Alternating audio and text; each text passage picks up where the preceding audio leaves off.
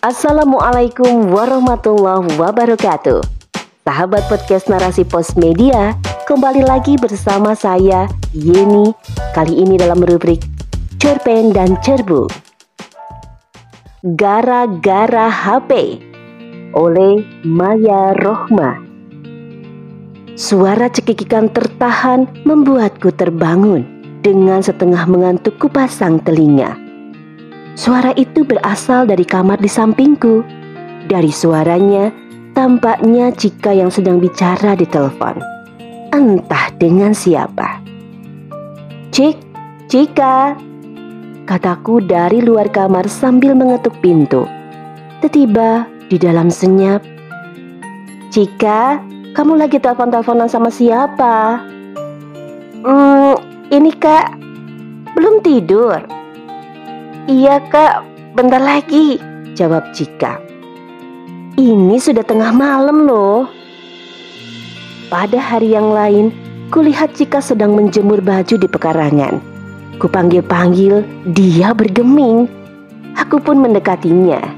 Walah, ternyata ada earphone menyumbat kedua telinganya. Pantas tadi dipanggil-panggil tidak merespon. Iya, ada apa kak? Tanyanya. Tolong belikan sabun mandi habis biar aku yang lanjutin jemur bajunya. Baik kak. Masih dengan earphone di kedua telinganya, dia beranjak pergi. Aku hanya menggeleng-geleng kepala meski gemes dengan tingkahnya. Aku adalah keponakan Paman Dias, pemilik rumah ini. Sedangkan Cika adalah pembantu di rumah ini.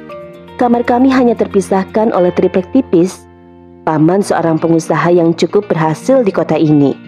Paman dan istrinya, Dewi, mempunyai seorang anak kecil yang dipanggil Baby Al. Suatu hari sepulang dari sekolah, kutemukan Baby Al menangis tiada henti di ruang tengah. Mainan berserakan di sekitarnya. Loh, kenapa? Adik kenapa? Mana bunda? Dia terus menangis. Lalu ku gendong. Berhasil, dia tak menangis lagi. Aku beranjak ke area belakang rumah. Cika sedang terkantuk-kantuk menyaksikan televisi. Cika, kucolek lengannya. Dia seketika loncat berdiri. Setelah sadar dia bergegas mengambil baby Al dari pelukanku. Kamu kenapa? Ngantuk? Main HP sampai jam berapa? Kak, katanya serba salah. Tante Dewi ke mana? Ibu keluar sama bapak, jenguk teman bapak di rumah sakit. Baby Al nggak usah diajak ke rumah sakit katanya. Khawatir kena, khawatir kena infeksi apa gitu? Kata ibu, saya lupa. Infeksi nosokomial. Nah, iya itu dia. Saat Tante Dewi dan Paman Dias pulang, kusampaikan kejadian siang tadi. Esoknya, hari Minggu, Tante Dewi menggunakan kesempatan ini untuk memanggil Cika. Saya sebenarnya tidak masalah ya kalau kamu Cika HP-an atau mau teleponan sama siapalah. Tapi ya jangan terus-terusan. Itu memang HP kamu, dibeli pakai uang kamu. Tapi bisa tidak telepon-teleponannya setelah kerjaan beres? Iya, Bu.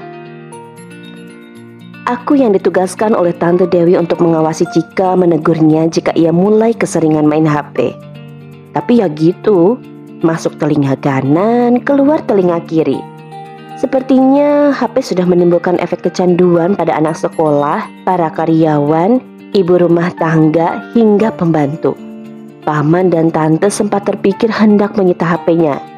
Tapi kemudian mereka berpikir ulang, apakah itu tindakan yang bijak? Sudahlah, tante sudah ngasih tahu kalau boleh menggunakan HP, tapi ingat kewajiban. Tante juga sudah menyampaikan pengaruh buruk kalau terlalu sering main HP. Sekarang kita doakan saja. Uh, tanteku memang bijak. Hingga pada suatu hari ada kejadian yang membuat Cika jerak. Hari ini, rumah Tante Dewi mendapat giliran sebagai tempat arisan diadakan. Setelah sebagian besar masakan siap, Tante Dewi menyerahkan sisanya pada Cika. Cik, ini kamu tinggal goreng kerupuk udang saja ya. Ibu mau mandi dan siap-siap dulu. Baik bu, Cika menyahut.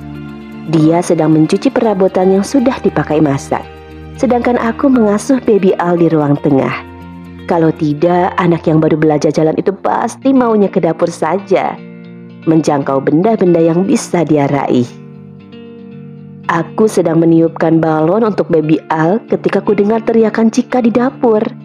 HPku! Hah? Kenapa dengan Cika? Aku terbang ke dapur. Dia tengah memegang sutil. Wajahnya terlihat shock. Gemetar menatap wajan di atas kompor. Rupanya dia hilaf. Dikiranya kerupuk, malah HP yang dimasukkan ke minyak panas. Segera kusambar sutil dari tangannya dan mengangkat HP goreng miliknya ke wadah penadah minyak di samping kompor. Cika, Cika, Tiba-tiba Tante Dewi sudah berada di antara kami. Dia tak sanggup bicara lebih banyak. Mungkin merasa kasihan juga dengan Cika. Tapi bagaimana lagi? Semoga dengan kejadian ini Cika sadar. Ini adalah refleksi kejadian di tahun 2002 di mana HP belumlah banyak fiturnya seperti saat ini. Hanya fitur menelpon dan mengirim pesan melalui SMS. Games pun masih sederhana sekali tidak bisa diinstal dan di-uninstall sesukanya. HP yang seperti itu saja sudah mampu membuat pembantuku kecanduan. Apalagi dengan tampilan HP saat ini ya. Narasi pos, cerdas dalam literasi media, bijak menangkap peristiwa kunci.